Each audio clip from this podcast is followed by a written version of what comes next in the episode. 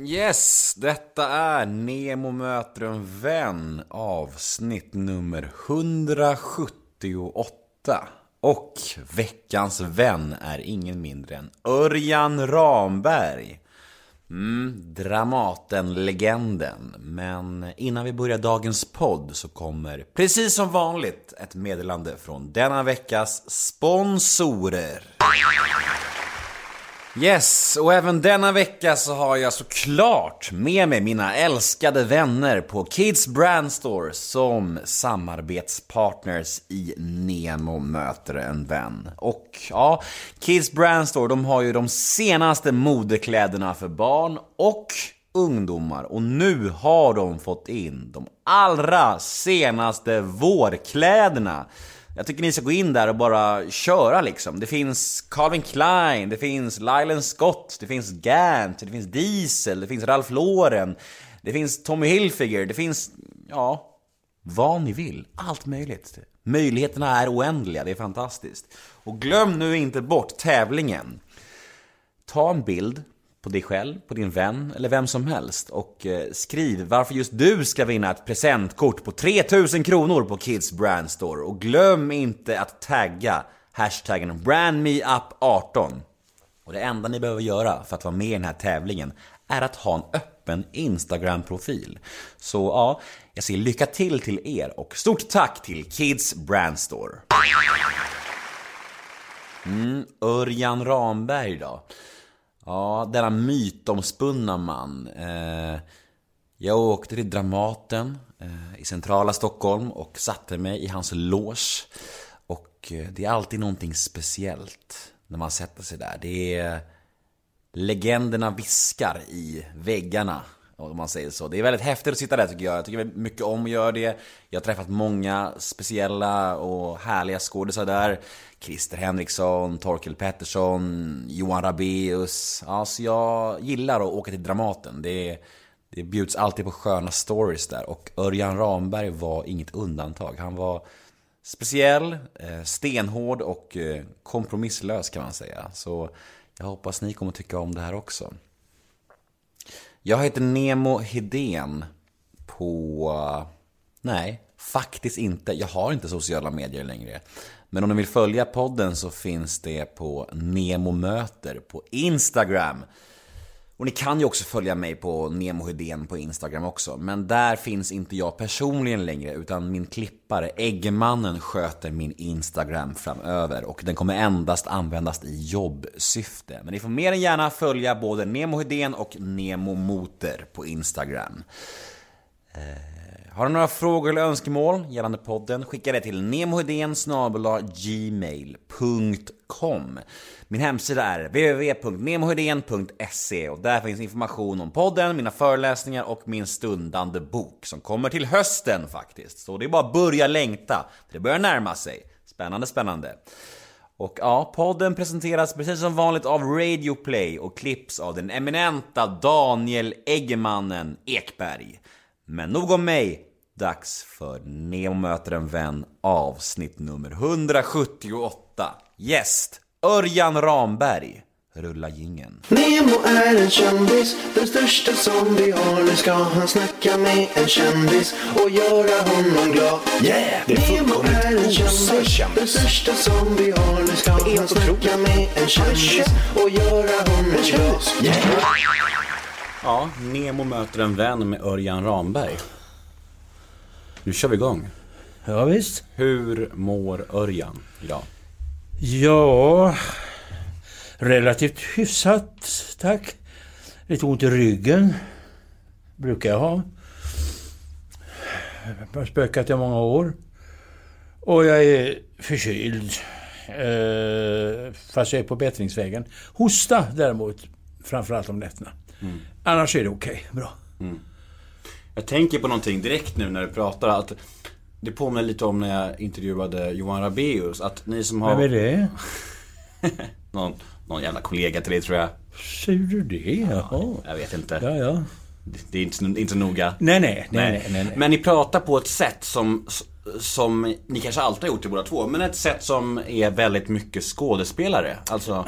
Men tycker du att det är konstigt då? Nej, Nej. det säger jag inte. Vi har varit här, eller inte vi, jag har varit här i över 40 år. Han inte fullt så länge. Vi blir formade utav det här huset. Vi står där nere på den scenen och ska nå ut med våra röster 50 meter upp i taket där det sitter folk. Om det sitter folk där, om det är så utsagt, vill säga. Och man får ett speciellt, lite tillgjort sätt att prata när man är skådespelare. Det, så är det. Jag får ju oftast lite skäll för att eh, mitt Göteborgs idiom sitter kvar. Och eh, det gör det. Ibland är det mer och ibland är det mindre, men så är det. Men han är ju för fasiken ambassadörsson. Så han kanske pratade så innan. eh, När han växte upp med sina föräldrar som var fina ambassadörer. Ja, alltså det var verkligen inget negativt. Jag tycker, jag, Nej, jag tycker jag snarare... tar det inte som negativt heller. Jag, Jag tycker det snarare är lite fascinerande. Det är som att eh, Kan man någonsin eh, koppla bort det? Alltså jag, jag, det är ju inte så att du anstränger dig för att prata så här men kan det någon gång bli så att du bara Pratar helt normalt? För dig kanske det här är normalt och du är så här storslagen och du vet No, ja, det, det, jag kan inte svara på det själv. Men eh, om jag inte håller på när det är långa uppehåll så eh, ramlar jag ju in i mitt, mitt, barndomsidiom, alltså göteborgskan. ja, Det gör jag ju. Och är jag där nere och umgås med kompisar från den tiden så blir det ju ännu mer. Så så är det ju. Men när man är här så skärper man sig lite. De säger att det sitter i väggarna det där när man tar upp den där skådespelartraditionen. Jag vet inte. Hur, eh, hur ser en vanlig dag ut i ditt liv just nu? Just nu är det lugna dagar. Eh, Jag eh, gör inte mer. Jag har en jävla massa att läsa. Som jag ska läsa fram till... Det är klart, men jag ska ha läst detta i mars månad. Mm. Så jag läser. Och det har varit för kallt för att promenera, annars gör jag det. Ja, nu börjar ju det vädret bli bättre här, men... ehm, ja, jag läser framför allt. Är det svårare eller lättare nu än förr att eh, läsa in manus? Svårare. Det är mycket svårare. Alltså själva med det här att mata in texten, lära sig den. Men så har man ju skaffat sig en stor rutin med år som man inte hade förr i världen. Man blev mycket ängsligare då än vad man blir nu. Man vet att den kommer. Man vet också att det är de sista två veckorna utav åtta veckor som vi repeterar på som är de viktigaste. Det är då allt händer. Och man får försöka ha is i magen fram till dess. Då kommer det. Än så länge. Ja, jag börjar bli lite, av en stammis här på Dramaten nu. Jag har ju varit här några gånger nu och träffat, eh, vi ska räkna upp dem nu, Christer Henriksson, eh, Johan Rabeus, eh, Torkel Pettersson och igår Marie Rickardsson. Eh, vad har du för relation till de här människorna jag räknar upp nu? En bra relation. I det stora hela, tycker jag. Marie hade bara gott att säga om dig faktiskt. Ja. Mm. Ja, vi är gamla goda vänner. Spelat mycket. Resten av gänget då? Är det, är det en brokig skara? Nej, jag vet inte vad du har fått för dig, men de flesta skådespelare är ganska... De drar jämt med varann. Mm. Och eh, det är inte särskilt mycket bråk eller, eller sådär i det här huset. Mm. Det kan man inte säga vad man än läser i tidningarna och allting sånt där. Och vad jag nu har för erfarenhet, den är lång, den är över 40 år. Så kan jag ju säga det. Att det, det är ganska lugnt. Det är Mm. det. Därmed är det inte sagt att det inte har hänt saker, för det har det gjort. Men i det stora hela.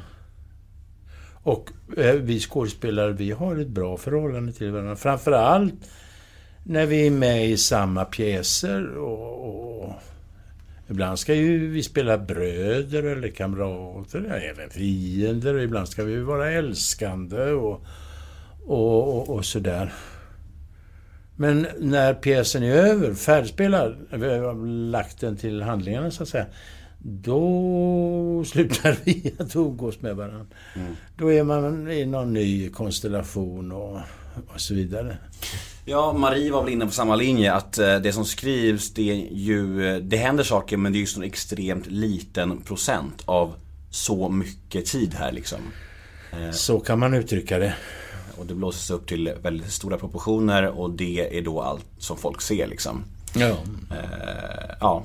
Men jag märker nu när jag sitter här med dig, jag har gjort det här ganska länge i flera år. Eh, jag är inne på fjärde året och eh, jag känner ändå någonting med dig som gör att jag är på tårna. Jag har någon slags respekt för dig och både som skådespelare och som eh, människa tror jag. Inte rädd, det är fel ord, men att det är någonting liksom i luften känner jag. Varför tror du att jag känner så? Ja... Jag vet inte det. Jag vet faktiskt inte det. Det kanske är så att vissa människor har man ju en, en sån där liten, får jag lov att kalla det för respekt. Eller man tycker, ah den där ska jag nog ta det lite lugnt med. Eller, och det kan ha med min utstrålning att göra.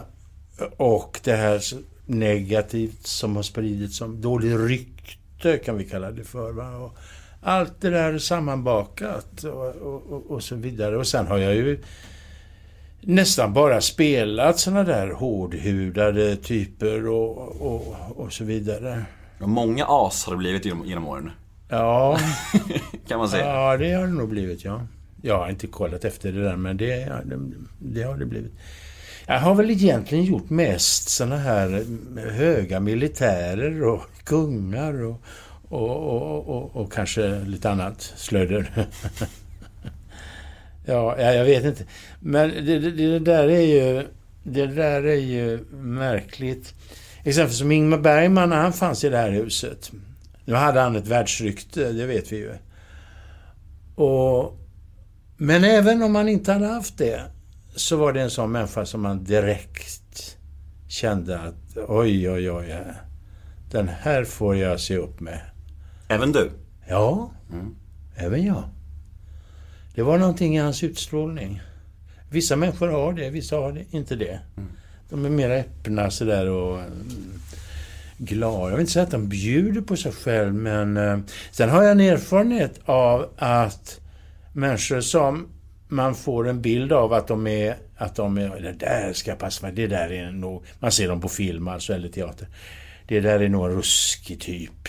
Usch, han spelar alltid sådana förfärliga människor. Så. Men så träffar man dem privat så är det de allra bästa, de allra snällaste.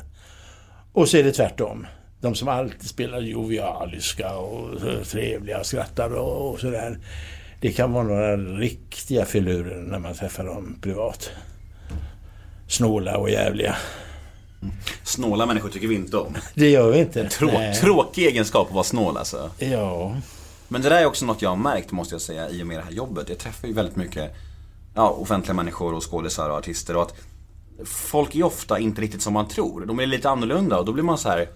Ibland blir man jätteglad för att de motbevisar fördomar och ibland blir man bara ledsen för att det är tvärtom lite grann. Mm. Eh, man möter alla sorters människor. Men vad var det du sa till mig direkt när du kom in här? Vad va, va lång du är sa du. Jag trodde du var mycket mindre. Ja, men, inte så? Jo men det, det, alltså de flesta jag träffar, jag, jag är inte jättelång, jag är 1,91 men de flesta jag träffar... Är du? Mm, de flesta jag träffar är kortare än mig, alltså i den här podden. Eh, och då tänkte jag på att du var ju i princip lika lång som mig, bara några centimeter kortare. Oh. Eh, och då tänkte jag, oj vad lång han är. Eh, så det är väl mest så att du är längre än genomsnittet i alla fall liksom. Ja, det är jag kanske. Men jag Ståt, tycker... Ståtlig? Ståtlig, ja. ja. Men jag sträcker på mig också. Så mm.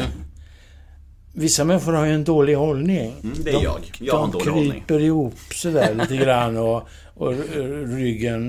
De... Jag hade en väldigt bra lärare när jag gick på scenskolan. som var väldigt mån om att vi elever skulle ha en bra, fin hållning. Det var väldigt viktigt. Det här var en rysk eh, lärare. Han var väldigt noga med det där. Så att vi, första året så fick vi gå omkring och balansera med en, med en pinne så här på, på, på fingerspetsarna. Och gå omkring och säga våra repliker med den pinnen. Sätta oss, resa oss, ta fram saker, duka ett bord kanske med hela pinnen sådär eh, balanserande. Eh, och då menade han på alltså, då får man ett, en bra hållning. Och så har man ett öga som sitter här precis här mellan brösten så att säga. Där har man ett, ett öga. Mm. ett tredje öga, man sa. Och det ögat måste man vara mån om. Mm. Då får man en bra hållning. Mm, bra knep. Ja. Vad, vad, upplever du annars är de vanligaste fördomarna om dig? Alltså upplever du att det är folk som har förutfattade meningar om dig när du, ja, i, överlag i livet så här? Ja, det, det har jag ju fog för också. Men då kanske inte är fördomar om du har fog för det? Nej, eh, jag menar att jag förstår ju när eh, fördomar anser jag att, det, att de har, för de känner mig inte. Nej, precis. De läser kanske det som står och är negativt. De talar med andra som har en negativ bild. Och så skapar de sig själva då en, en bild av mig som inte är så jättepositiv. Men de känner inte mig.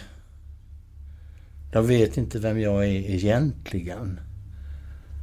Och så. Så där gör väl vi lite till mans kanske med vår omgivning. Men de kommer ju höra den här podden och då kommer de få en helt ny bild av dig. ja. ja. Är den så spridd? Eh, ungefär. Den, är det, är det, har du många eh, som poddar av dig, eller vad säger man? poddar av dig? Låter som att det låter nästan som snuskigt.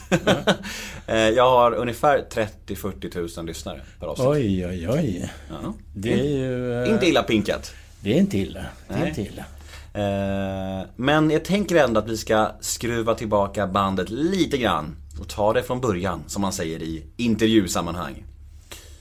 Om du ser tillbaka på din barndom, ser du på den likadant nu som du gjorde för, säg, 30 år sedan? Nej, det gör jag inte. För att eh, det är egentligen först nu jag har börjat tänka på min barndom. Det är så när man blir äldre att eh, minnet klarnar. Jag kommer inte ihåg vad jag gjorde igår direkt. Eller förrgår. Men jag kommer ihåg numera långa, långa stycken av vad som hände i min barndom. När jag var yngre, du sa 30 år sedan, då tänkte jag aldrig på det. Jag bara försköt. Jag sopade under mattan. Jag, jag ville inte tänka på det. Och framförallt om det var någonting som jag var missnöjd med. Och där fanns saker jag var missnöjd med och de ville jag inte gå och tänka på. Usch, nej. Men nu kan jag tänka på det och gå igenom. Tänka varför det blev så. Hade det inte blivit så, hur hade jag blivit då? Så där kan jag tänka. Har du varit en sån som skylt mycket på, alltså när du varit med om jobbiga saker i vuxen ålder, har du, har du skylt dina nederlag och, och dina snedsteg på alltså, hur din uppväxt var? Både ja och nej. Jag har egentligen inte skylt på någon annan än mig själv. Jag kan bara beklaga att jag inte tog tag i vissa saker tidigare livet. Att jag inte förstod vissa saker. Att, att jag var kanske, man kan säga, lite sen i utvecklingen i vissa fall. Varför jag tyckte det var så skojigt att hålla på och så att säga leva ett lite busigt liv. Man borde tagit sig i kragen tidigare. Man borde ha, ha varit duktigare i skolan. Man borde ha gjort, ja, sådana där saker som föräldrar sa till sina barn. Så här måste du göra min son, dotter, om ni ska lyckas i livet. Och så vidare. Där var jag väldigt slarvig. Men jag hade heller aldrig någon som riktigt såg till att det blev på det där viset. Jag hade...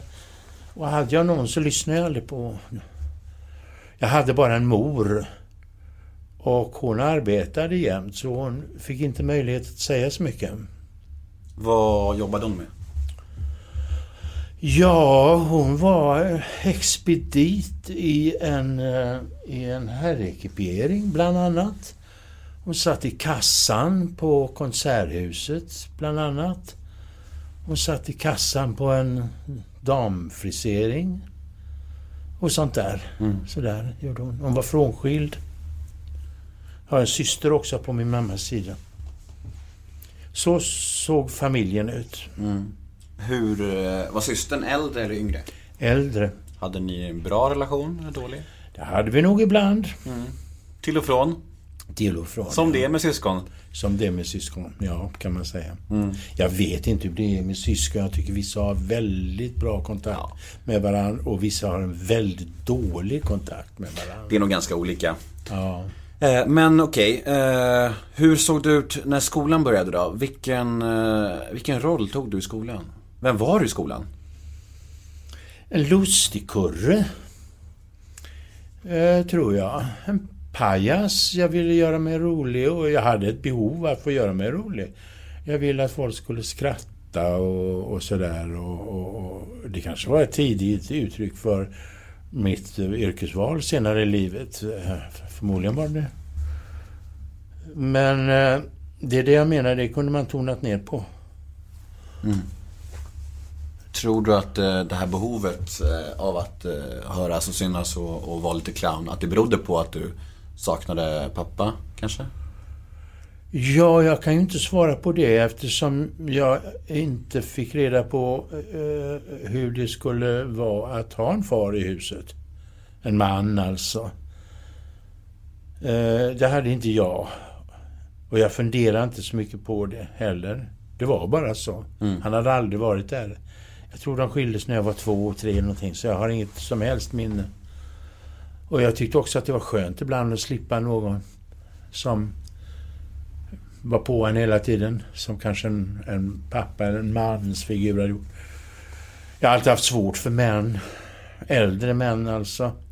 Som ska ge mig en åtutning, åtutning och, och, och, och styra mig och mästra mig och, och så vidare. Jag kunde inte göra lumpen exempelvis på grund av den anledningen. Jag låg i bataljon Sparre i Karlskrona i åtta timmar och sen skickade de med mig. Så så var det. Jag läste någonstans att du träffade din pappa för första gången när du var 40. Ja, det stämmer det. Hur, det är, vilken jävla grej. Det- Hur var det då? Och hur kommer det sig att, det, att ni träffades? Det var en, en, en, en, en ja, en, ett fosterbarn till honom, eller adoptivbarn, som inte stod ut med att höra hans gnällande över att han inte fick träffa sin riktiga son. Så han tog helt enkelt kontakt med mig och frågade han ringde först, så kom han på besök, så frågade han om jag var intresserad att träffa min pappa. Och, vilket jag först inte var, men så talades vi vid några gånger, på telefon hela tiden. Och till slut kom han hem till mig, tror jag. Eller någonstans. Och då bestämde vi att vi skulle ses. Och då sågs vi här på Strand som ligger mitt emot här. Hotell Strand. Och då var jag någon månad eller en 40 år. Jag tror det var i mars, april, någonting. Har jag för mig. Och jag hade talat, på den tiden hade vi en, en, en läkare här i huset som konsulterade en psykiatriker som sa till mig att tänk på det att du inte ska träffa din pappa mer än högst tre timmar annars kan det bli rundgång. Och det kan bli besvärligt och, och hitta samtalsämnen och, och, och så vidare. Så, så jag sa till honom när vi träffades, jag kan tyvärr inte sitta här mer än tre timmar. För jag måste eh, ge mig iväg sen. Ja. Rundgång, vad, utveckla. Eh, rundgång menar jag här att man börjar ta om de få samtalsämnen man har. Mm. Det finns ju inget, inga givna samtalsämnen direkt mer än Varför, typ? ja, Ja. och vad tog du vägen och varför tog det så långt? Men De känsliga sakerna, de undvek vi. Både han och jag. Nej, jag vet inte vad han menar med det, men det kanske är att man börjar prata om saker och så hamnar man i den hemska situationen. Vad ska vi prata om nu?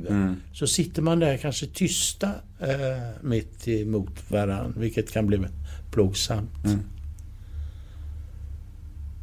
Hur var det då? Jag vaknade där, det var en söndag. Jag vaknade den morgonen aningen... Inte nervös, men lite pirrig sådär. Och tänkte, ja, hur ska det här bli? Jag klädde upp mig, det vill säga tog på mig en kostym. Och, och, och lite sådär. Och, och så, men så kände jag, eh, jag bor alltså på Djurgården, så kände jag när jag gick Strandvägen fram att eh, Eh, nej men det här är ju ingenting. Det här pirret i magen, det hade lagt sig. Jag kände, kände absolut ingenting. Och ingen, ingen, ingen, ingen hade liksom inga förväntningar. Det här ska bara göras. Fort ska det gå. Och sen är vi... Sen får det vara bra med det. Får vi se vad, vad, vad det här hamnar i. Så jag kom dit, där stod han. Jag hade ju aldrig sett honom förut, men jag kände ju igen honom ändå, och han mig. Han hade ju sett mig i tv-serier och liknande. Han hade varit mycket här på teatern också. Han bodde inte här i Stockholm, han bodde i... eh, Ja, utanför Göteborg en bit. Eh, Var, var han lik dig? Ja, det kan man nog säga att han var. Fast han var ju en äldre man, han var i 75-årsåldern någonting. Och du var typ 40? 40? Ja, precis. Ja. 40. Mm, just Ja. det. Och... Eh, ja. Så vi hälsade på varandra där och han hade ett bord. Då slog vi oss ner. Och så, ja, så åt vi och pratade lite. Var det känslosamt? Nej. Inte direkt. Inte för mig, men för honom. Såg jag. Blev han blöt i ögat? Det blev han. Eh, men det var lite irriterande för att han, han kallade mig Göran. Va? Varför? Han, eh, han sa, tilltalade mig eh, eh, eh, Göran hela tiden och då sa jag till honom Örjan. Förlåt, Alltså, fan. Förlåt, men vilket... Vad, vad förslag sa han? Jag heter Örjan. Ja visst fan, det heter du ja. Ja, ja, ja, du heter Örjan. Ja, ja, visst, ja, det, ja, ja. Vad sa jag? Göran, sa du? Ja, ja, det är klart du heter Örjan. Och så fortsatte vi att prata. Och så efter ett tag så avbryter han sig. Så säger han Örjan förresten. Ett jävla dumt namn. Det var din mamma som ville att du skulle heta så. Hon ville att du skulle heta något fornnordiskt sådär. Jag vet inte var hon hittade det där namnet men... Jaså, det, det, du tycker inte det är bra? Du var inte med om det? Nej, nej, nej, nej. Det var helt din mamma. Det var helt din mamma. Och, ja, ja. ja. Vad tyckte du att jag skulle heta då? Nej, men jag ville att du skulle heta något kraftfullt, förstår du. Något, något, som vad då? Ja, herregud. Du, jag ville du skulle heta Rickard eller något. Rickard alltså. Jag skulle gå omkring och heta Rickard, det är kraftfullt alltså. Ja, tycker du inte det? Nej, det tycker jag inte. Så. Jag har vant mig vid Örjan. Jag tycker inte heller att det är så snyggt, men jag har inte ändrat på det. Jag heter så. It's my name. Vad hände efter det här mötet då? Fortsatte ni ha kontakten eller var det en gång och aldrig mer? Nej, vi hade några kontakter till. Jag kommer tyvärr inte ihåg hur många det var. Eh, I alla fall, jag tror det var tre till. Han fyllde bland annat 75 år. Och då åkte jag dit, utanför Göteborg. Fjärås tror jag det hette. Nej, hette det så? Ja, jag har glömt vad det hette. Det ligger några mil söder om Göteborg. Ner mot Varberghållet i alla fall. Jag åkte dit, han fyllde 75 år. Där var ju massa människor, hans vänner och hans nya frus vänner. Och jag kände mig... Där kände jag mig väldigt... eh, Malplacerad. Ja, obekväm. Ångrar att jag hade åkt dit överhuvudtaget. Sen träffade jag honom möjligen två gånger till. Sen dog han. Mm. Ja. Kan du känna någon slags eh, glädje i att du ändå fick någon slags relation med honom innan han dog? Ja, det kan jag känna. Det var väl bra, för då fick man ju se den andra sidan då. Av ja, dessa bägge människor som har, så att säga, skapat, gjort mig. Och jag fick också en känsla av att min mors version av deras eh, skilsmässa och att de inte levde ihop, den, den stämde nog inte helt riktigt. När jag hörde hans också så började jag tänka lite på att ja, man bör höra bägge alltså. Det är bara så. Det finns ju alltid två sidor av ett mynt, liksom. Ja, det gör ju det och jag vet inte om vem det var som hade skarvat mest i detta. Men jag har ju hört min mor betydligt fler gånger än vad jag har hört min far. Prata om detta alltså. Men eh, ja, vad det egentligen har fått för betydelse, det, jag kan inte riktigt sätta fingret på det. Han... Jag tror att jag har lite grann med självförtroende att göra. Att ha en far. Eh, I alla fall om man har en bra far som kan backa en och, och, Bekräfta en. och bekräfta en. Ja. Det, det tror jag. Mm, verkligen. Var han stolt över dig? Sa han något om det? Jag tror han var det på så sätt att han tyckte då att det var lite märkvärdigt ändå att jag hade fått anställning här på denna teatern som då i alla fall ansågs vara Sveriges bästa, finaste i alla fall. Eller namnkunnigaste, eller vad ska man säga. Och det var väl inte så dumt. Så Där kände han, eller om det bara var för man var någon slags kändis eller... Jag, jag vet inte, jag hann aldrig ta honom på pulsen vad det gäller det där. Nej. Ja, men eh, nu flög vi iväg lite i en sidohistoria. Men det gör man lätt när man intervjuar. Det, det är också väldigt mysigt. Men vi var, vi var i din barndom och eh, du växte upp med din mamma och din halvsyrra. Vad, eh, vad hände sen då när du kom upp i åren lite grann då? Upp till högstadiet, gymnasiet. Hade du det lätt liksom socialt? Betyg, tjejer kanske? Hade du det lätt för dig? Ja, betyg, eh, skolan var misslyckad. Jag slutade i förtid. Jag eh, sökte mig till eh, en konstskola. Och där slutade jag också. Jag hade en jädra massa jobb. Göteborgs hamn och på olika sådana här fastighetsreparationer. Eh, eh, allt snöskottning, jobbade i skogen och Ja, hur många jobb som helst. Jag kan inte dra alla för jag kommer inte ihåg alla faktiskt. Sjukhus och eh, körde lik ett tag bland annat. Och Men hur gammal var du när du hoppade av skolan? 16, jag hoppade inte av så jag slutade när jag var 16. Man hade ju kunnat fortsätta en gymnasielinje som var ganska nytt då.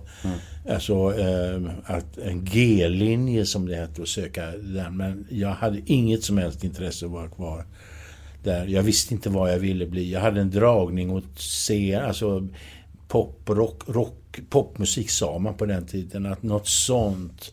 Men jag hade ingen självklar musikalisk eh, utbildning och jag sjöng lite sådär och var med i band och höll på. Men det var inget, man kunde försörja sig på den, på den tiden.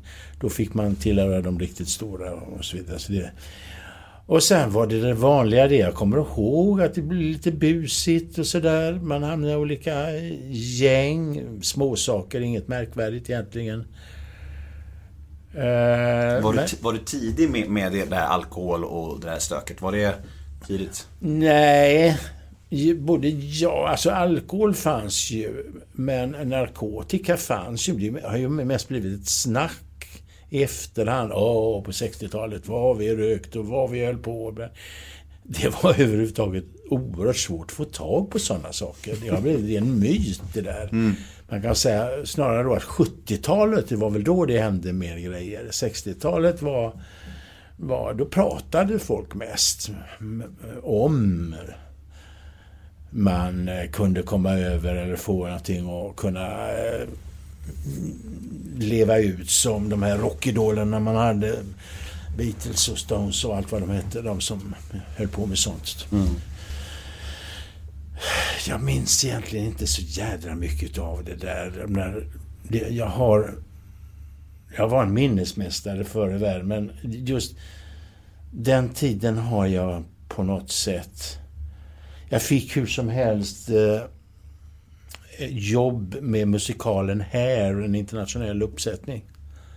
De stod i Göteborgs-Posten att det skulle vara en audition. Eller vad så, jag vet inte vad det var, men någon som sa audition heter det. Så jag gick dit. Det var amerikaner. Vilket år är det här då? Detta är 70, tror jag. Möjligen 71.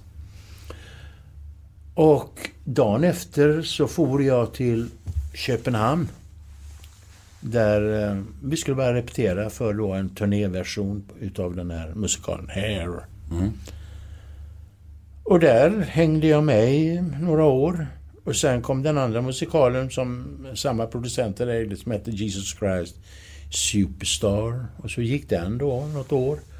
Då började folk prata sådär. Vad ska du göra efter? Vadå efter det? Jag ska hålla på med det här, sa jag. Det här är ju toppen. Det är ju jävla kul.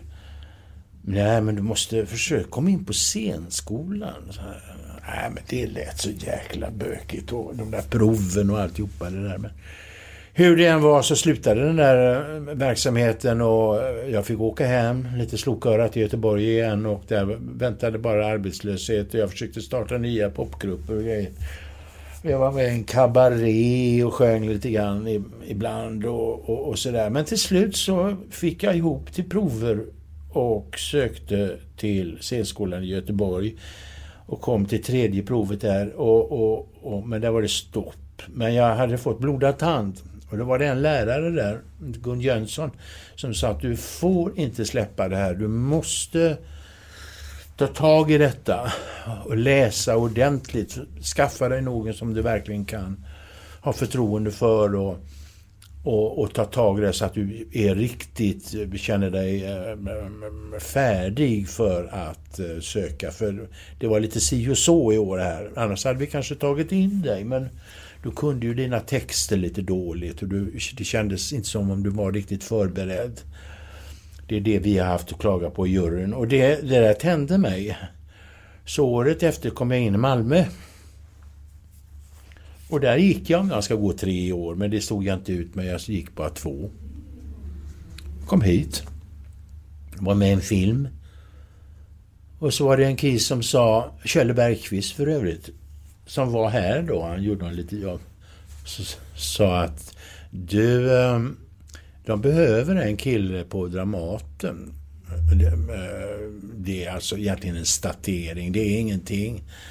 Det är en skitliten roll. Men eftersom du inte har något jobb nu så, så kan du ringa. Du ska ringa till en kille som heter Göte Eriksson. Så gjorde jag det. Han lånade två 25-öringar eller vad det kostade på den tiden. Så ringde jag hit och Dramaten kom middag. Ja, goddag, jag heter så, så jag skulle tala med Göte Eriksson. Göte Eriksson är numera en klassisk figur för att han var Karl Gerhards närmaste man förr i världen. Och det är ju mycket musikaler nu som går med om Karl Gerhard och där är han en central figur. Men han var här alltså. Och han anställde mig. Och på den vägen är det. Det är alltså 1977.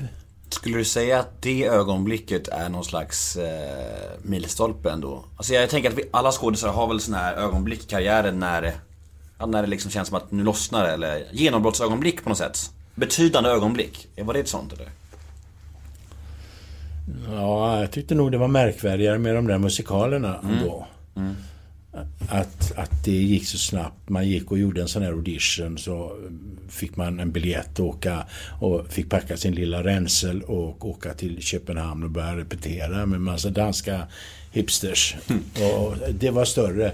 När jag kom hit så kände jag, nej men här kommer jag inte att stanna. Det här konstiga huset med... eh, var lite spännande för man kände igen massa människor i korridorerna här va. Men på den tiden så hälsade inte folk. Eh, det var... en- Det, det, det, det var det, verkligen i gamla Dramaten, verkligen. Och väldigt fina gubbar och kärringar som gick här och, och tittade aldrig någon i ögonen och, och, och så vidare. Men det där ändrades ju och sen efter något år så där så jag hade inte slutat ännu utan jag hängde kvar. Så helt plötsligt så kände jag, nej jag vill nog stanna här. Jag började trivas. Det tog några år. Och sen så ytterligare några år efter det så frågade Lasse Pöysti som då var chef eh, då om jag ville ha ett fast kontrakt. Och det ville jag. Det var eftertraktat. Och det som sagt var, ja 77 kom jag hit då, men det var några år efter, så här, början på 80-talet kanske. Men kände du ändå ganska omgående, jag tänker i och med de musikalerna du pratade om, kände du Fan, jag kan ju det här. Jag är duktig. Alltså, alltså att du hade en talang direkt. Eller var det något som kom successivt? Nej, det kände jag inte. Jag kände mig ganska så värdelös. De här musikalerna och när jag höll på med lite rockmusik sånt där så, så kände jag mig betydligt mer hemma i det. Jag tyckte man fick ur sig mer. Bara stå och sjunga Heartbreak Hotel av Elvis Presley gav egentligen mer än att stå med hela Hamlet-monologen på ett sätt. va. Eh, Det var, jag tyckte detta var lite fånigt, lite fjant. Jag hade väntat mig mer. Jag tyckte ju om teater. Jag hade sett det på TV-teatern då när jag var ung och framförallt film. Och man vill ju att det skulle vara mera som Errol Flynn och att det skulle vara så man står här och i tråkiga pjäser och säger en replik. Det var ju jävligt tråkigt till att börja med. Tills man fick bättre roller och för att få bättre roller så var man börja, fick man lägga manken till. Man fick kämpa, man fick se till att man blev bättre än gången innan och, och, och, och så vidare. Och så fick man kanske lite beröm ibland och det gav väldigt mycket. Man blev stolt över det och, och, och, och så ville man förkovra sig. Det hade jag inte känt tidigare i mitt liv att jag det här är allvar för mig nu. Det här måste jag göra. Jag, jag tyckte väldigt mycket om det efter ett tag. Jag tyckte om... Jag tycker det är det viktigaste här när man är på en teater. Det är att se till att man är så bra som möjligt.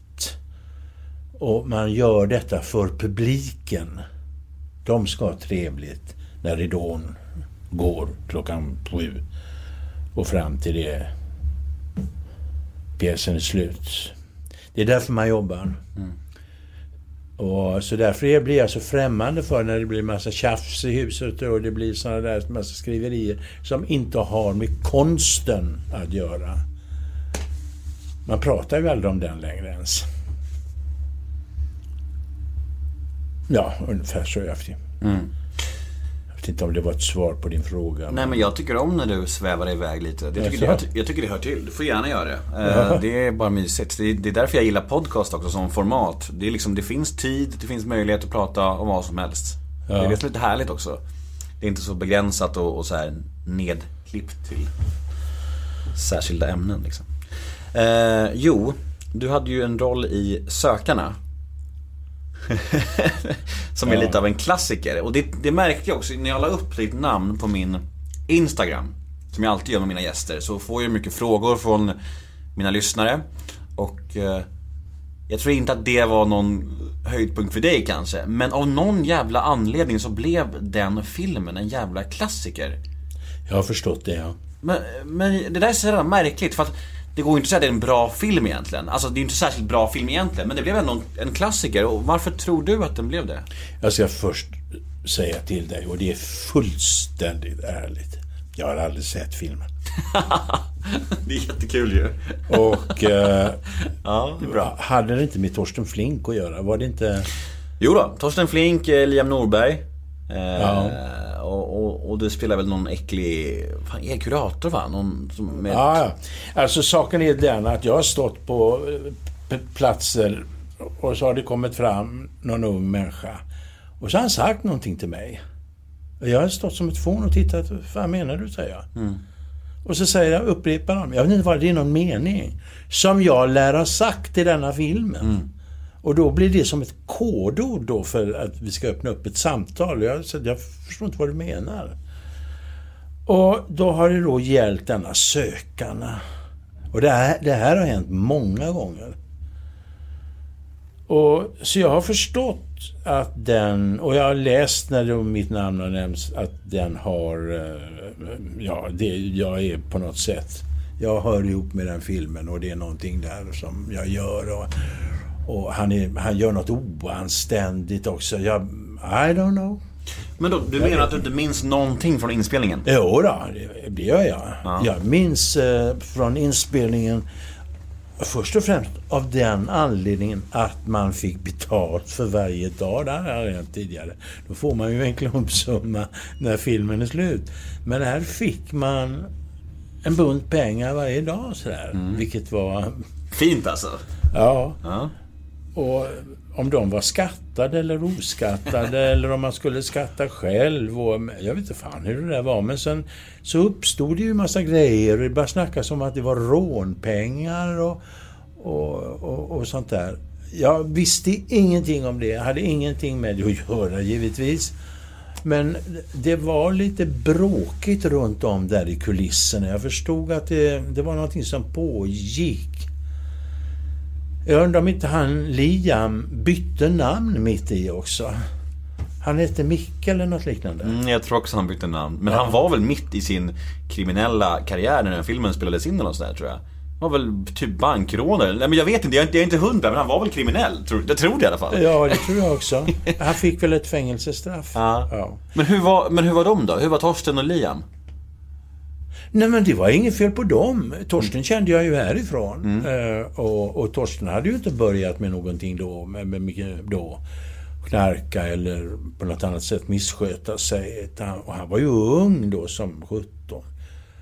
Och så var det då Liam då som var någon slags ledare där och så den här killen Daniel Fridell heter han va, som var regissör och de hängde ihop på något sätt.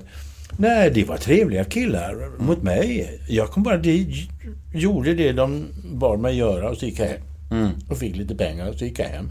Du fick en bunt och så sen tänkte du så här: ska jag skatta den här eller ska jag inte skatta den här? Jag kommer inte riktigt ihåg hur jag tänkte kring det där, men det var mycket hysch kring saker och ting där, det var det.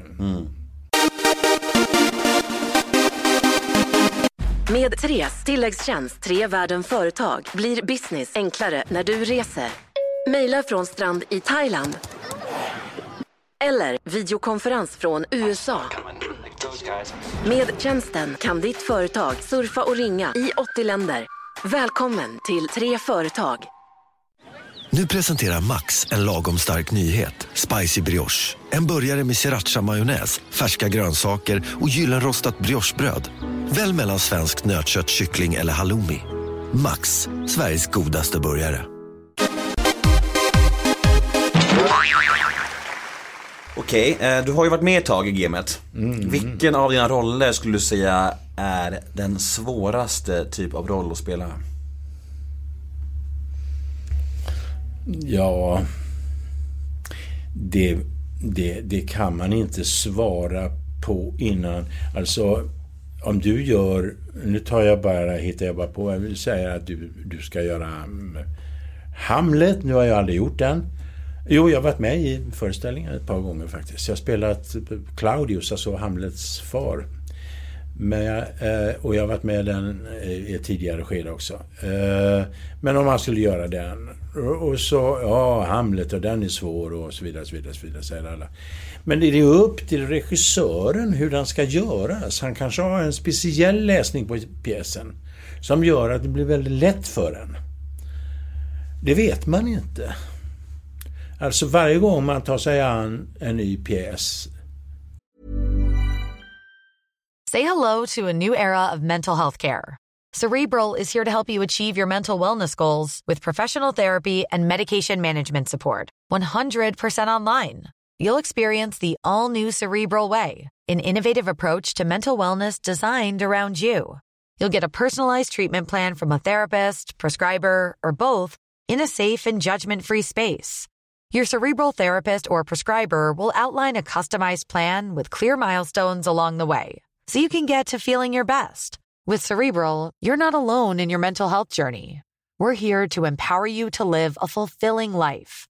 So take that first step towards a brighter future and sign up today at cerebral.com slash podcast and use code ACAST to get 15% off your first month. Offer only valid on monthly plans. Other exclusions may apply. Offer ends July 31st, 2024. See site for details. Hey, I'm Ryan Reynolds. Recently, I asked Mint Mobile's legal team if big wireless companies are allowed to raise prices due to inflation. They said yes. And then when I asked if raising prices technically violates those onerous two year contracts, they said, What the f are you talking about, you insane Hollywood ass? F- So to recap, we're cutting the price of Mint Unlimited from $30 a month to just $15 a month. Give it a try at mintmobile.com slash switch. $45 upfront for three months plus taxes and fees. Promo rate for new customers for limited time. Unlimited more than 40 gigabytes per month. Slows. Full terms at mintmobile.com. och du menar en ny pjäs som också kan vara en gammal pjäs man har gjort förut.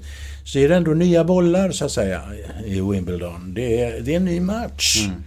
Så inget är sig likt. Det, det är nytt. Kan man ranka sina, sina rollprestationer? Kan du liksom säga så här att ah, den där, det var min bästa rollprestation? Eller är det, är liksom, är det omöjligt att säga sånt? Nej, det är omöjligt. omöjligt. Det är sammanhang här som jag har varit med i som har varit väldigt trevliga och klart utvecklande och framförallt de sista 20 åren här.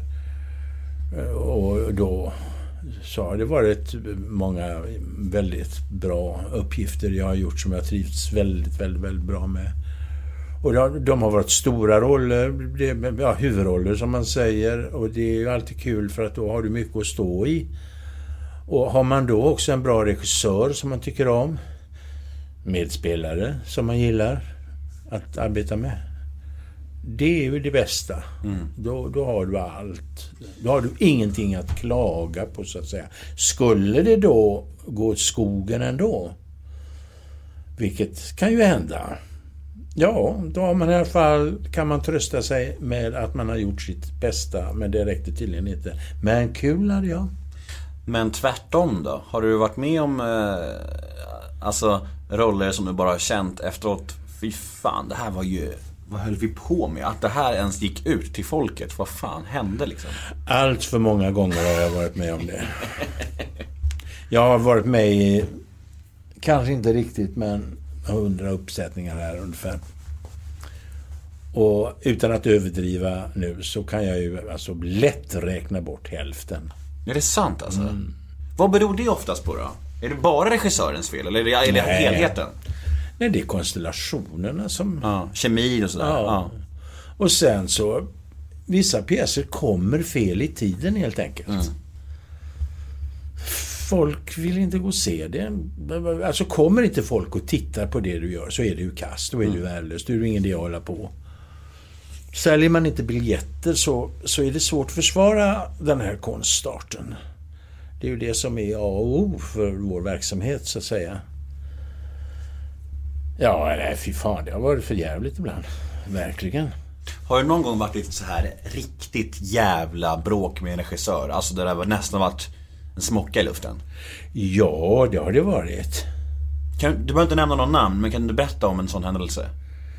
Ja, jag har berättat, och det är bara en händelse egentligen som det har varit så med regissören. Det är väldigt olyckligt, men det är länge sedan. Jag har berättat i, i TV och i radio och i alla möjliga eh, medier om den. Och det var en regissör här som jag kom ihop mig med och olyckligtvis så fick han en dansk skalle. Av dig? av mig. Ja. Och eh, det var väldigt tråkigt. Jag tyckte egentligen inte att han var så dum, den där regissören. Vad, vad handlar det om då? Vad, vad... Ja, det handlade om ett tjat bara. Och så ställde han sig sådär i någon slags position framför mig. Där liksom jag slog till sådär med skallen. Som man gjorde i sin barndoms, eh, i sina barndomsruskiga kvarter när jag växte upp. Eh, Mer än så var det inte, men det var olyckligt. Jag blev ju givetvis varnad av ledningen här. Och eh, fick skäll av eh, många. Teaterchef och Ingemar Bergman och sådana där som sa att det där får ju absolut inte upprepas. Och ja, det är inget mer att säga om det. Det var fruktansvärt dumt gjort. Frukt... Vem tycker du annars är... Ha en smäll. Vad sa du? Vad sa du? Nej, jag fyllde i bara. Förlåt mig. Ja. Vad sa du? Vem tycker du annars ska ha en smäll, svarar jag då. Ja, vem i Sverige ska ha en smäll, Örjan? Nej, ingen. Du, du, du? Nej, ja, kanske jag då. Jag skojar bara, förlåt mig. Jag förstår, det är helt okej. Eh, vem tycker du är Sveriges bästa regissör och Sveriges bästa skådis? Finns inget sånt. Finns inget sånt. Eh, de bästa jag har jobbat med här som passat mig, det har ju givetvis varit Ingmar Bergman då. Måste man alltid nämna. Fantastisk. Staffan Valdemar Holm. Eirik Stube, som är teaterchef här nu. Eh, Melander, Björn Melander. En holländsk regissör som heter Karst Woodstra. Lennart Hjulström. Jag glömmer väl någon är klart. Skådisar då? Man får säga lilla Marie-Louise Ekman också, så får jag med en kvinna. Jag har jobbat mycket med henne och allt varit väldigt roligt. Alltså skådisar, du, det, det går inte att prata om. Du kan ju inte jämföra exempelvis eh, Persbrandt med Siv Rud. Ja, nu är hon död, så nu kan vi det lite dumt att jämföra. Men du kan ju inte ta och jämföra en, en gammal skådespelare med en ung skådespelare, eller med en kvinna. Varför? Det kan du inte. För en man är en man och han spelar som en man i alla fall. I, efter bästa förmåga. Och sen kan du inte jämföra en äldre skådespelare med en yngre. Den här yngre skådespelaren kanske är, har det jättetrångt i porten och har inte kommit någonstans. Men han kanske ska gå en fantastisk utveckling till mötes och bli en bland de riktigt stora när han är 55-60 år. Det vet vi ingenting om. Och den här eh, lite äldre skådespelaren kanske bara rasar ihop. Han kanske bara blir sämre och spe- sämre. Har spelat egentligen stort sett samma som han gjorde när han var ung. Och då var han en presumtiv Hamlet-tolkare och gjorde bara det ena och det andra och stort och märkvärdigt var det. Sen blev han bara sämre och sämre och sämre. Så det finns alla... Det går inte att peka ut sådär. Det, är vissa skådespelare, ska de ha tur också? Tur och timing och, och talang. TTT. TTT, ja. Har du någonsin haft en dröm om att, om att jobba utomlands? Slå utomlands? Hollywood? och? Nej, det har jag faktiskt inte haft. Eh, Jag trodde inte det var möjligt mer än för kvinnor då. Garbo, Ingrid Bergman och, och så vidare. Och sen ja, Lena kom utomlands, Olin alltså. Och, och, och, och sen har ju kommit en hel drös. Eh, Skarsgårdarna då. Sonen här nu sist. Och, och hon jättefina flickan från Göteborg, Alicia Vikander. Fantastiskt. Och jag trodde inte det var möjligt. Jag trodde, jag trodde att språket skulle hindra oss.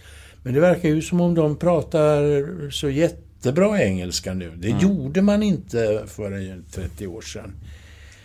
Jag tror att alla amerikaner skulle lämna ifrån sig alltså sina roller till utlänningar, en massa svenskar. Och i början var det så, var det eh, någon svensk med, så fick de ju spela eh, nazist eller någon ryss i någon konstig agent, agentfilm. Alltså. Det är väl lite så fortfarande i och för sig. Men det verkar ju som om chansen finns ju nu verkligen. Ja, det känns som att det är en annan sak nu också. Att, att det nästan bakas in i utbildningen för de unga skådisarna att lära sig bra engelska också. Ja. Det är så här, det är annorlunda. De här Skarsgård och Vikander, de, de talar väl en utmärkt engelska? Ja, precis. Kinnaman också. Kinnaman, ja. Eh, Ja, det är i princip eh, som amerikanerna. Micke Nyqvist talade väldigt bra också. Du, eh, visst fan var du med i Tages en sväng? Nej, det var jag inte. Jag hoppade in eh, för sångaren där, Tommy Blom. För att han blev sjuk till att börja med. och sen, Var du en fullgod ersättare? ja, Hur bra sjunger du? på en skala. Mm, 1 till 10. 7. Nej, jag kan inte prata om det. Det vet jag får andra göra. Det Blir du generad nu? Nej, jag blir inte generad. Jag tycker det... Det, eh, det går inte att jämföra. Så det, det, det som... Du kan ju inte... Det är som när Dillan på skämt jämför sig med Caruso. Det går inte. Gillar man Dillan så gillar man Dillan. Och eh, det är självklart att han inte kan sjunga som, som eh, ja, en riktig sångare. Om man säger en riktig sångare, det är ju Körberg. Som, Han kan ju jädra nåda sjunga. Freddie, Mer- Freddie Mercury typ. En sån, ja. Han, kunde ju, han hade ju en jättebra voice. Men så finns det sådana som inte har det. Som, som sjunger som, ja, som Dylan eller Leonard Cohen eller något sånt där. Men det är många som föredrar att lyssna på dem. Håkan Hellström, bra exempel. Håkan Hellström exempelvis, ja. Ja, så du tillhör kategori nummer två då eller? Ja, nej, jag, jag tycker det är väldigt kul att, att sjunga. Det, det är uttrycksfullt så, men jag ser mig inte vare sig som sångare eller musiker. Mm. Du, eh, under hösten under det här eh, metoo och allt det här med Dramaten och vi har pratat lite om det så var det mycket snack om, om att någon sa att någon var rädd för dig, någon hiss och allt vad det där var. Eh, ja, jag vet, det, det kan man skratta åt om man vill. Eh, men hur, jag tänker så här, vad gör det med dig som människa? Blir det mycket så här Känner du att du har behov att ändra på dig? Blir det mycket rannsakan eller känner du bara, "Ah, vad fan liksom, var folk mesiga? Eller hur, vad hände med dig när du fick så mycket kritik? Eh, först och främst den här metoo-saken. Den kom ju och överraskade alla. Jag hade ju aldrig hört talas om den. Den slog ner här som, verkligen som en bomb. Och omkullkastade ju eh, saker och ting. Och, så här. och ser man bara utifrån det vad den har betytt främst för tjejer då, så är det ju en fantastisk sak. De har ju gått och pratat om länge att de, de, de vill ha samma löner, de vill ha, ha samma utgångspunkter som män har, de vill spela lika mycket roller. Det finns inte lika mycket roller för kvinnor, men de vill ja, ändra på det och, och, och sådär. Allt det där, det är en jättebra eh, eh, sak att kunna hålla sig till och de, de kan hålla ihop inom det och det som en, fungerar även som en hejaklack för dem. Alltihopa, det är bra. Det här angiveriet. Oj, det var ett svårt ord. Du får förklara vad det betyder. Ja, att man angiver en annan människa utan att ge sig själv till känna, säga vad- vem man är. Utan det är tyst angiveri. Anonymt alltså. Anonymt an, an, angiveri. Det är ju inte så bra. Har man någonting som man vill ty- man blivit illa behandlad, exempelvis våldtäkt, så är det ju en polisanmälan direkt. Och de där sakerna man läste om i tidningen då, som stod, alla de här som flickorna också läste upp från scenen, jag såg inte det, men det där, de där korta grejerna, eh, så var väl väldigt många så grova så att de ska polisanmälas. Nu blir det liksom bara som en enda röra utav det. Va? Många kan nog gå och känna sig... Eh, är det mig de menar? Eller, och så vidare, och så vidare, och så vidare. I mitt fall så var det ganska så självklart att jag skulle bli påhoppad. Jag har alltid blivit påhoppad. Eh, jag berättade ju för dig om den här regissören som åkte på en skallning. Från den händelsen så har det ju varit Det har varit väldigt lätt att anklaga mig för något. Fort det har hänt någonting så har jag blivit anklagad på ett eller annat sätt. Även poliser har blivit inblandade. Har det varit bråk utanför teatern här så har det i regel stått på löpsedlarna Dramatenstjärna i bråk med med ja, en annan Dramatenstjärna och, och, och, och sådana där saker. Det gör sig väldigt bra på löpsedlarna där Dramatenstjärna så här, lyser det gult eller svart mot gult och så vidare. Och, och det, de flesta utav de här sakerna som har stått har ju inte varit sanna. Det har varit påhitt. Jag kan bli väldigt upprörd över saker och ting. Jag har, jag har en kort stubin. Jag kan bli jävligt förbannad. Och då kan jag skälla ut folk. Det får man inte heller göra. Så i mitt fall så ändrade de ju det här från sextrakasserier till, till övergrepp. Och påstår att de gjorde, vill göra en, en utredning in detta. Jag vet inte om de har gjort en utredning om mig. Jag har talat med teaterchef och jag har talat med... Men jag ingår alltså inte i det gänget som har blivit anklagade för sextrakasserier. Jag vet inte ens om det är någon här på teatern som har blivit det. Jag vet inte vad som har hänt här i alla fall de sista åren. Om det, om det har varit. Förr i världen så tyckte jag det var sånt. När jag var ny, när jag var ung. Så tyckte jag det var lite sådär gubbar som sprang och nöp flickorna i stjärten och, och, och, och, och, och de höll på och ringde nattliga samtal och, och, och de kunde stå nakna här inne i logerna när påklädarna kom och, och, och kunde vara äckliga sådär. Så, som jag, man förstår att de här flickorna, som ofta är unga flickor, statister eller något annat liknande, att de blir rädda. Och de tycker det är...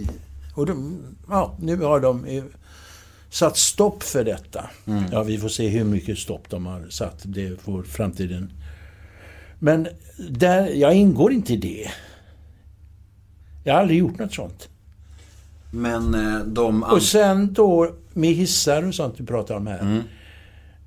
Jag vet att det är en person som inte är kvar i huset här som springer omkring och sprider ett skitsnack om mig.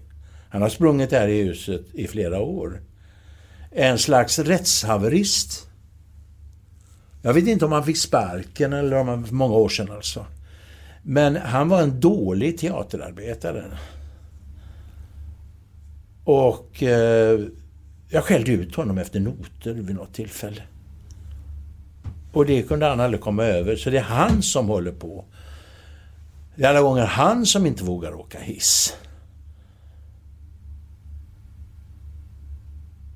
Och det är då folk här i huset som har talat om för mig att det är den här killen. Var det en skådis? Nej, Nej. han var en, en scenarbetare. Mm. Mm. Och så vidare. Och sen blandas det ihop. Det stod ju någonting att att jag hade kastat någonting på någon. Helt fel. Jag har inte kastat någonting på någon. Det var en annan skådespelare som kastade någonting kort innan en premiär. Han kastade av sig någon mikrofon och det där batteriet som är till mot någon man träffar. I don't know. Jag var inte med. Mm. Men det, det var, exempelvis var det någon som hade stått och pissat utanför restaurangen här. Frippes ligger bakom här. Mm. Den skiten fick jag också. Och det är sådana där saker. Men har du känt eh, att... Eh, har det påverkat dig någonting? Alltså, ditt beteende. Har du ändrats någonting i och med det här? Ja, det har jag gjort. Jag, jag, har, jag försöker att lugna ner mig. Men det är inte helt lätt. Det är inte helt lätt. Det är det inte. Det här är ett sånt yrke också där du ska gå omkring och bära en jädra massa känslor. Som du ska ha sen. Du kan ha gått och laddat här hela förmiddagen. För att du sen ska eh, avge detta på scenen och sådär. Går det snett då? Eller man kommer fel på något sätt? Eller blir nervös, stressad? Det är någonting som inte stämmer. Så är det lätt att man far ut. Alltså, det är lätt för mig då att vara... Vissa andra kan ju faktiskt lägga band på sig. Och det borde jag ju också kunna och göra. Och, men jag... Men jag får ju ta det. Jag får ta det. Det kanske är för att du inte har haft någon manlig förebild. Tänk om det var så lätt, ja. ja kan vara så. Man vet aldrig. Man vet aldrig, nej. Nej. Har, eh, men har du märkt av en ändrad mentalitet, alltså överlag på Dramaten sen det där? Sen, Sen eh, i höstas? den här Mito... Ja. Eller är det sig sig likt liksom? Det är sig likt. Det tror jag nog. Ja, det tror jag nog. Okej, du, eh, du är 70 år. Exakt va? Ja. Ja. Hur, eh, hur... eh, Fyller nu. Ja, när? Precis nu. Nu idag. Nej, ljug inte. Försök inte. Du skulle inte sitta här då tror jag. Nej, jag fyllde för några veckor sedan. Grattis. Tack. Var det därför du var på Kuba eller vad det var? Jag kom inte iväg till Kuba. Nähä? Nej. Av den anledningen att det var sånt fasligt. eh, Man skulle, det var, sen var flygtiden var så lång så att nej, det orkar jag inte. Jag har ju nyss varit i Kina nämligen. Och det var ju en jädra flygtur. Och eh, det tänkte jag, ska jag flyga nu en gång till till Kuba och sitta sådär 14-15 timmar? Nej, det orkar jag inte. Så att det blev Kanarieöarna istället. Mm, hur var det? Ja, du vet Kanarieöarna, det... Det var det, Ja, det var det. kan man säga. Mycket svenskar. Ja, det är det. Du är ju 70 som vi sa precis. Hur känner du inför att åldras? Är det någonting du tänker på? Är det förknippat med ångest? Eller hur, hur känner du? Ja, det, det, det är förknippat med äh, ångest. Det, det är det. Det kan man inte säga. På ett sätt är det härligt att, att man är... Jag, jag tycker livet på ett sätt är lite bättre nu när man är äldre. Jag var konstant orolig när jag var ung. Alltså stressad jämt. Jag kände mig otillfredsställd.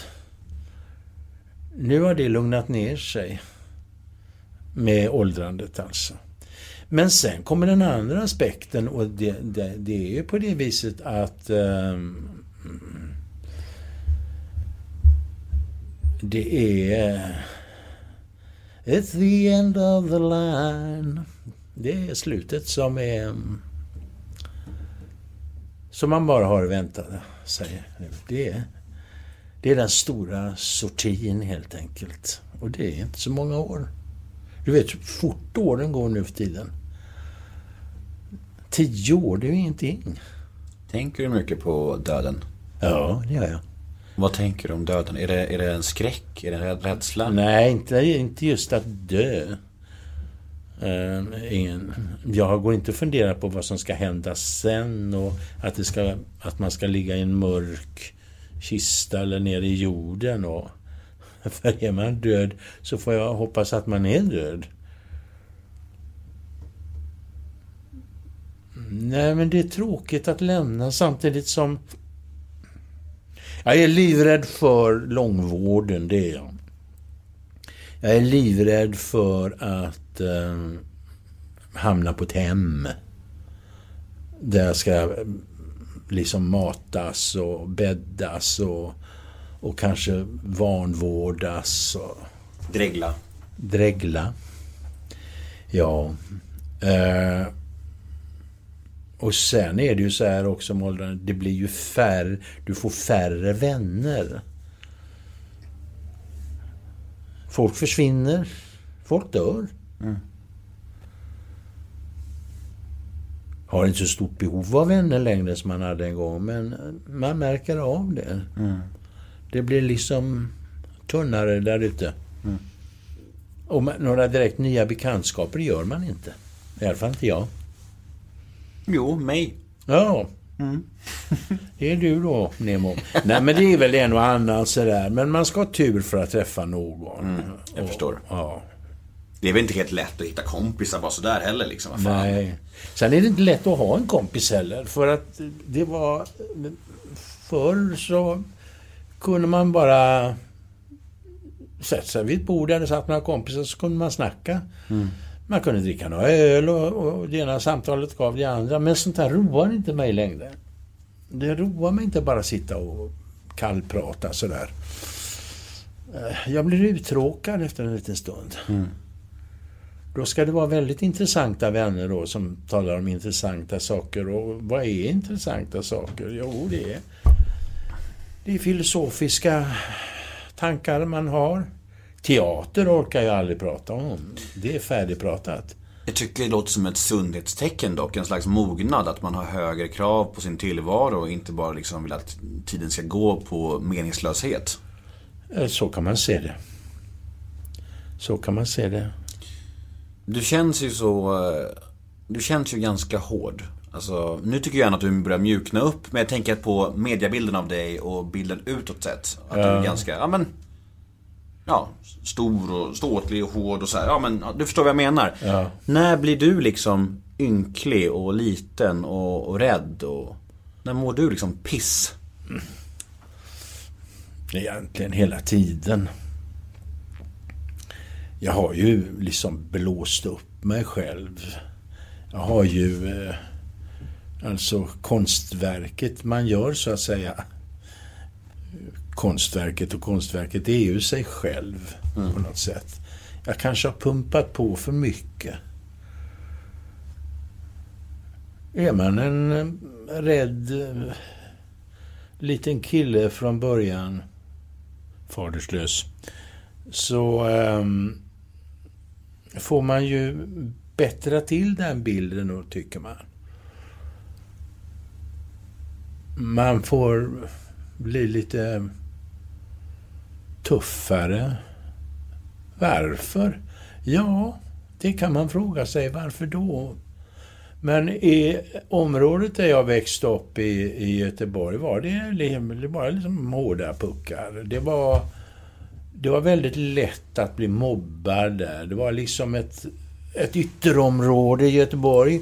Det som senare blev då ja, Västra Frölunda och alltihopa det där. Va? Det var arbetarfamiljer som flyttade ut där på de här eh, ställena. Barnrikt var det. Det låter ju som en självbevarelsedrift att då bli hård.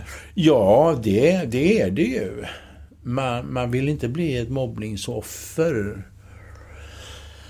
Jag tror till och med att jag kanske var det ett tag. Jag, jag ansågs lite annorlunda, tror jag. jag. Jag var nog inte helt accepterad i gänget, eller gängen, då när jag växte upp.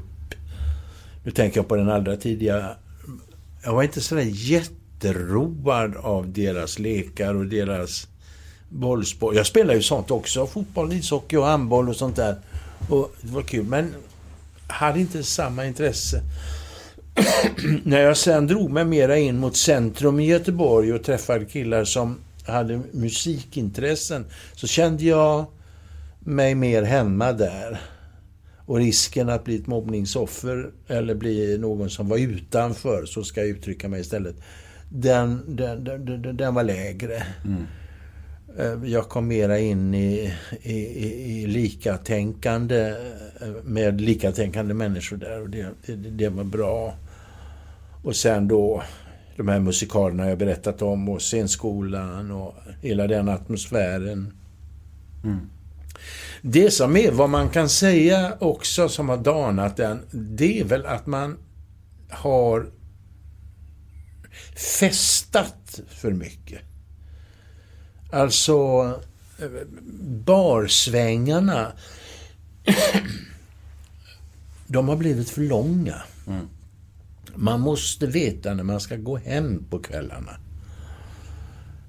Eh, sitta så där fram till tre, fyra natt efter natt och bara tjata med massa och skråla och gapa som unga grabbar, tjejer också nu för tiden gör. det är destruktivt. Man borde lägga den tiden på arbete istället. Eh, jag var ju sen när jag började med teater. Jag skulle ha börjat minst tio år tidigare. Men du är nykter sedan ganska många år va? Eller? Jag är inte helt. Nej. Hur... eh, Men... Jag tog mig en liten slurk i morse innan jag gick hit. Nej, är det sant? Nej, jag skojar, jag skojar, jag skojar. Vad- men, jag, men eh, hur ser du på det där då? Är, hur, hur nykter är du, skulle du säga? Ja, ja, jag undviker stark sprit. Jag tycker inte om att dricka mig full. Jag tycker inte om det tillståndet längre. Där är ju svårt. Alltså, så lite salongsberusad kan ju vara skönt. Så lite eh, där.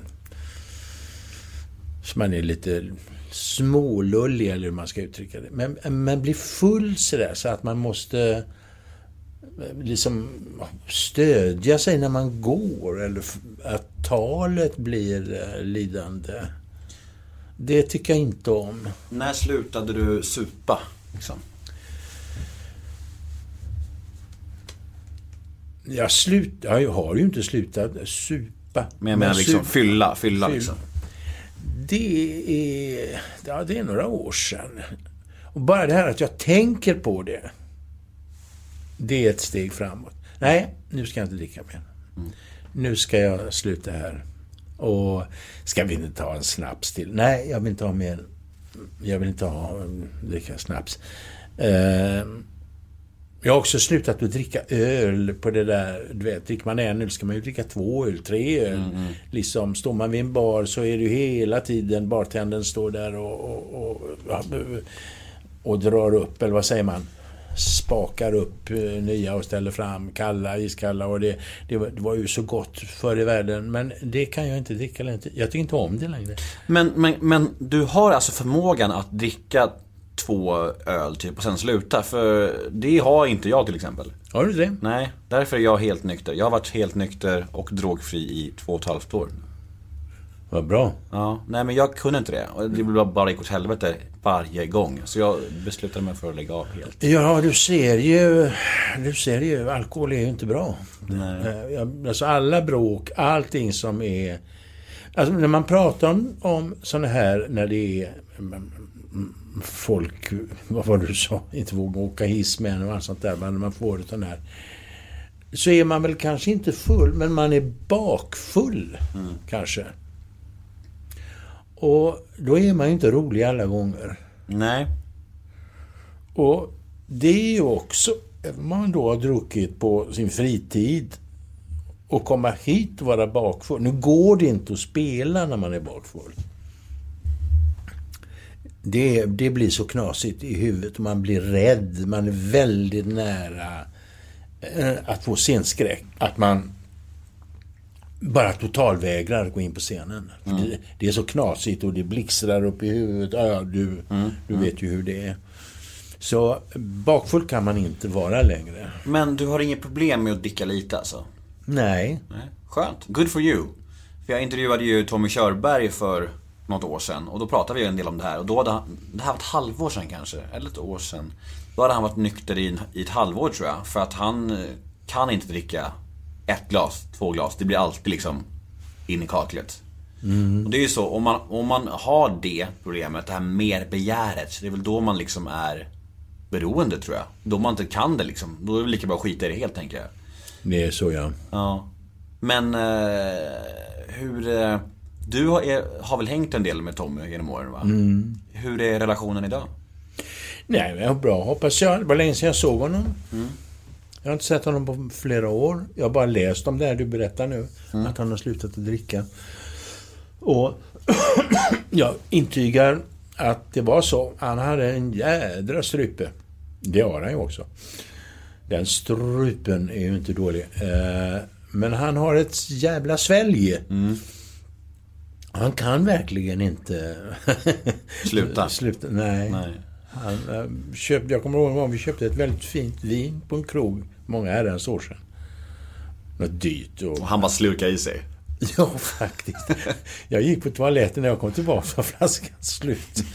Då hade han druckit upp nästan hela. Nej, han har... Han är...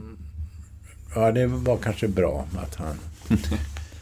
Du, jag har ett segment som heter ett ord om. Det går ut på att jag säger namnet på fem stycken svenska kända människor. Du, du ska säga första ordet som kommer i ditt huvud när du hör namnet. Okej. Är du med? Ja.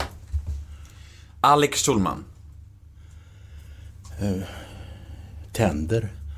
Marcus Birro. Lite skum. Sara Larsson. Lite besserwisser, va? Jimmy Åkesson. Ruski. Leif GW Persson. En bricka blandat. Det där måste du nästan utveckla, sista. Är det någon, en beställning han brukar göra, eller? Ja. Klart det. Vad betyder en bricka blandat? Nej, han var... Han satt alltid förr i världen eh, på eh, operabaren. Och när man då var på... Ja, innan också, innan Café Opera, Opera hade öppnat. Så satt, och det var alltid ett gäng där som satt där. Det var Eh, Sven-Bertil och Slas, gamla... Och, sådana där. Olle Adolfsson och... Det var ett gäng. Eh, och, så lite gangsters. Och så satt eh, Leif GW där. Nej, sa jag, kom grabbar, sätt er. Fan, sätt er. Får jag bjuda på något? Vad vill ni ha? Det var i regel jag och Kjell Bergqvist och Ted Åström och Körberg kanske. Johannes Brost och så. Och då så var det, ja jag tar en öl, jag tar ett glas vin. Ja, vad fan. Va?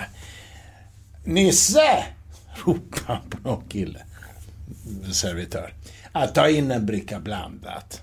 Och då kom han in med en bricka med helrör, alltså whisky, vodka, gin, eh, kanske rom, konjak och ställde på bordet där med glas. Så var det bara han var väldigt generös. Sen gick han och då var ju, stod ju allt kvar. Och det var ju bara för oss att dricka upp det, vilket man aldrig kunde, men... Eh, för han har ju blivit jävligt... Men det var han... Han hade det... Jag tror han hade det uttrycket från Leffe Skiffer som var en känd gangster i Sverige. Eh, Stenberg hette han va? Leif Stenberg. Kallades för Leffe Skiffer. Så det var nog inte hans, men det var väldigt roligt. Jag hade aldrig hört det tidigare. Var det därför det blev så mycket kokain sen för, för många av i det där gänget? För att de skulle kun- kunna dricka upp Leif GWs brickor? Det var... Detta är långt innan kokainvågen. Kokainvåg, alltså när kokain fanns inte innan 77 i Sverige. Ja, tandläkare och, och sånt där, de hade ju tillgång till sånt eftersom det var ett känt bedövningsmedel. Eh, Och då är det ju människor förr i världen. Och det fanns ju, jag menar Gösta Ekman den äldre, han gick ju på det, men han lärde sig det av tyska skådespelare när han var där. Alltså de, de jobbade natt och dag, så de var tvungna att hålla sig vakna. Och lite societetskärringar och sådär som. Men alltså den stora kokainvågen, den kom 77. Det är jag ganska så klar över. Blev det mycket för dig med då? Nej, det blev det inte. För att jag hade min period på dels 60-talet och, eh, och då var det mest hasch och hallucinogena grejer. Va? LSD och meskalin och sånt där. Va? Och sen kom ju amfetaminet. Det kom genom alltså när eh, tjuvarna eh, muckade från kokarna. Och då blandade de sig med hippisarna. För då hade de ett gemensamt intresse, knarket. Och hade då, det var ju preludin på den tiden, Centramina och Ritalina och sånt där. Alltså amfetaminbaserade. Och där hade jag då en liten, liten eh, Period. period, ja. Men den var kort för min del. Jag tyckte inte... Jag tyckte inte det var någonting som... Det var ju skoj i början att man kunde prata, man var så jävla livlig och tjattra och sånt där. Och nere i Spanien kunde man ju köpa ut det på apoteken utan att de frågade. Eller att man hade något recept och sådär på 60-talet. Kunde man bara gå in och säga att man vill ha en tub Ritalina. Eller Bustay, det fanns det någonting som hette också. Det var bantningsmedel. Mest kvinnor som körde det för att hålla sig mm, sådär.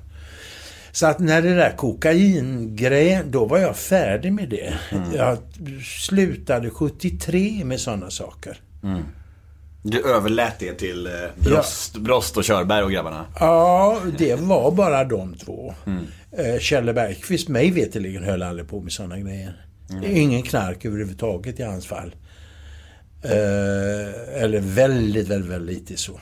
Eh, och eh, samma med Teddan Åström var heller ingen... Det hände väl med sådär... Mm, Mm, avslutningsvis så ska vi gå igenom lite lyssnarmail här. Och eh, vi börjar med första. Veckans brev nummer ett lyder så här. Hej Örjan, vad minns du starkast av din session i Stjärnorna på slottet? Berätta lite om hur du upplevde den inspelningen och hur du sedan upplevde det på TV. Eh, jag gick med i det programmet för att jag blev övertalad av Harriet Andersson som är en gammal god vän. Och Helena Bergström. och så. Jag tyckte de var trevliga och så var det ju med Wolf också. Jag tyckte det var roligt. Jag hade tackat nej i många år innan där. Men jag ångrar mig ganska snabbt att jag var med för att du är ju på det där slottet i en vecka. De väcker dig klockan sju eller åtta eller vad fan det är på morgonen. Jag är ingen morgonmänniska. Så ska man gå ner och sätta sig och äta frukost med alla de andra. Och, och, och vara uppmärksam, ha frågor till den som har sin dag då alltså. Och, och, och så vidare. Jag hade min dag näst sist. Det var... Jag fick anstränga mig för att... eh, Men sen så kom en en känsloby över mig sådär som jag inte alls var beredd på. Jag kommer inte ihåg riktigt vad det var som, vad det var som bubblade upp men jag kunde inte stå emot eh, tårar och ett känsloflöde där. Jag tyckte det var obehagligt. Men eh, inte mycket att snacka om. Det, det jobbiga det var att ställa, sitta där hela jävla dagarna satt man och lyssnade på andra. Och det var svårt att vara engagerad. Det var väldigt svårt. Ställa frågor som var relevanta sig. Jag borde inte ha gjort det. Det är inte min typ av program. Hur bra betalt var det? Ja, det minns jag inte, men det var inte särskilt bra. Jo, men höfta. Alltså vad ligger det på? Alltså 100, 100 lax? Ja, något sånt ja. Ja, okej. Eh, nästa mail. Hej Örjan, vad hände egentligen mellan dig och Johannes Brost? Varför slog du på honom? Kan du inte berätta det en gång för alla? Ja, herregud. Jag har inte läst hans bok. Jag har bara fått, det- jag har fått det uppläst i, um, i en telefonlur av en journalist. Som han beskriver händelsen eh, håller jag inte med om ett skit. Herregud, var inne på en krog här. Vi hann ju inte, göra, hann ju inte suga tag i en förrän hela jävla krogen bara la sig över oss. Lugn, lugn, lugn, lugn grabbar. satt. Och då hade vi en polare som vägde 150 pannor som var polare både till mig och Hannes. Han bara la sig över mig så att det blev ju som han beskriver det med revben och allt möjligt konstigt. Jag hade en gås oplockad med honom. Av den anledningen att det var... Vi lärde känna varandra i Skåne på tidigt 60-tal. Och han bodde i ett kollektiv och där bodde en kvinna som blev förälskad i mig. Jag förälskade henne. Och Johannes ansåg att det var hans tjej, vilket hon ansåg att det inte var. De bodde där bara. Så det blev ju en väldigt tråkig grej. Vi slutade inte att umgås för det. Men det där låg alltid emellan oss. Sen snackade han så in i helvete mycket skit bakom ryggen. Och sen framför allt. Han lånade ju stora summor som han aldrig betalade tillbaka till någon människa överhuvudtaget. Han dog nu här i höstas va? Jag tror inte han hade någon egen lägenhet. Jag tror han bodde... Jag tror aldrig han hade det hela sitt liv. Jag tror han hade... Han fick hela tiden låna och så. Han måste ju ha tjänat bra de sista åren. Han var ju med så mycket och jag gjorde grejer. Men han hade nog stora skatteskulder. Det är två... En sak till jag vill säga. Jag hade också väldigt mycket glädje av Johannes. För det var en glad eh, fyr, när man säger det i Danmark. Vi hade kul ihop. När inte det här kom på tal. När vi bara... Och, och, och det var ju också det. Ah, kan inte jag få låna? Men nu har du inte betalat tillbaka. Nej men jag, jag skyllde dig något. Sådär va. Ja men så tyckte man att det var kul. Så lånade man igen. Det där låg... Och det, vi, detta var ju... Vi umgicks ju i 20 år ungefär. Sinnet rann över. Var du på begravningen? Nej, det var jag inte. Okej. Jag, eh, jag var inte i Sverige. Och jag hade tyckt nog att det hade varit lite av hyckleri också. Man kan röra upp, kanske han har ju stor familj, barn och grejer. Eh,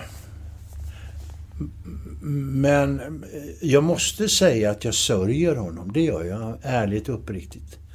För det var ju en sån levnadsglad och eh, oerhört charmig man. Totalt ansvarslös, men eh, jag hade mycket glädje utav En sympatisk jättebebis kanske man kan säga. Ja, kan man också säga. Ja, jag Men, men det där konstiga med att inte betala tillbaka, gjorde han inte någon människa. Så alla borde ha samma... Det vet jag ju. Och så jävla många lägenheter han aldrig betalade hyran på som de blev av med. Andrahandslägenheter och sånt där. Det är ju hur mycket som helst. Nästa mail lyder så här. Hej Örjan, berätta om din relation med din dotter Tilde Fröling. Är ni tajta? Tajta.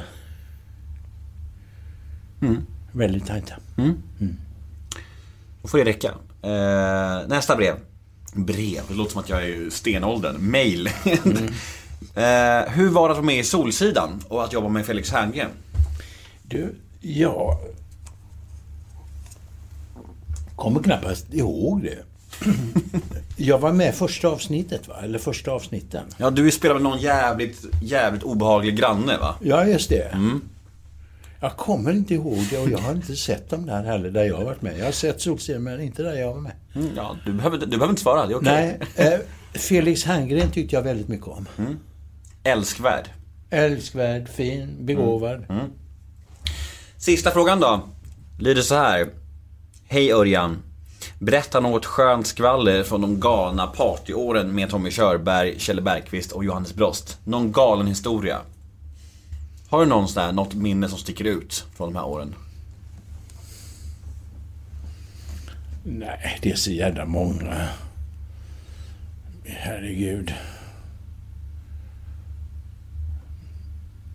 Mm, Det är hur många som helst. Flest med Kjelle och Johannes. Körberg så, Körberg har alltid jobbat, mm, stuckit iväg, så honom man, har man inte umgås så mycket med. Han har ju alltid varit på turné. Vem var galnast av de här som jag räknade upp? Vem var gränslösast? Nej, det var Kjell och jag. kan man nog säga. Man ville ju vara med då och se er hur ni höll på alltså. Ja, nej, men det var inte att leka med. Men det var Kjell och jag från början. Kjell kände inte Körberg på den tiden. De lärde känna varandra senare. Eh, och även Johannes kom in i bilden senare. Kjelle träffade ju Körberg i det här huset där han skulle göra någon liten roll här. Och då skulle Tommy också göra en roll här som sångare i en pjäs. Så träffades de. 78, 79 någonting. Eller ja, nej ja, 77, 77. Har du kontakt med Kjelle? Nej, Ingen alls? ingen alls. Hur kommer det sig då? Nej, vi har glidit ifrån varann med åren här. Mm. Och eh, det är inte så konstigt för att det gör man ju. Och sen tror jag han tog parti för Johannes. De var ju... Eh, när jag blev pappa och sådär så slutade jag under några år att gå ut och hänga med. Men Johannes och, och, och Bergqvist, de fortsatte ju. För de var inte papper, papper, pappor då. Johannes var väl det kanske, men han hade min kontakt. Eh, så jag kom bort ifrån dem. Och när den här incidenten då hände med Johannes så försvann ju han ur mitt liv och även Kjelle. Jag vet inte om Kjell flyttade bort från stan också. Han flyttade, gjorde han inte det? Han flyttade till en annan ort. Och sen tappade vi allt. Det är jävligt konstigt. Jag har inte ens sett honom. Det borde man ju ha gjort. Men han har ju jobbat mest med film. Eller enbart med film, vad jag vet. Sen bor han halva året i Thailand ju. Just det. Så han är ju inte alltid här liksom. Nej. Du, eh, vi är klara. Är vi? Mm. Hur känns det då? Nej, det var väl bra, hoppas jag.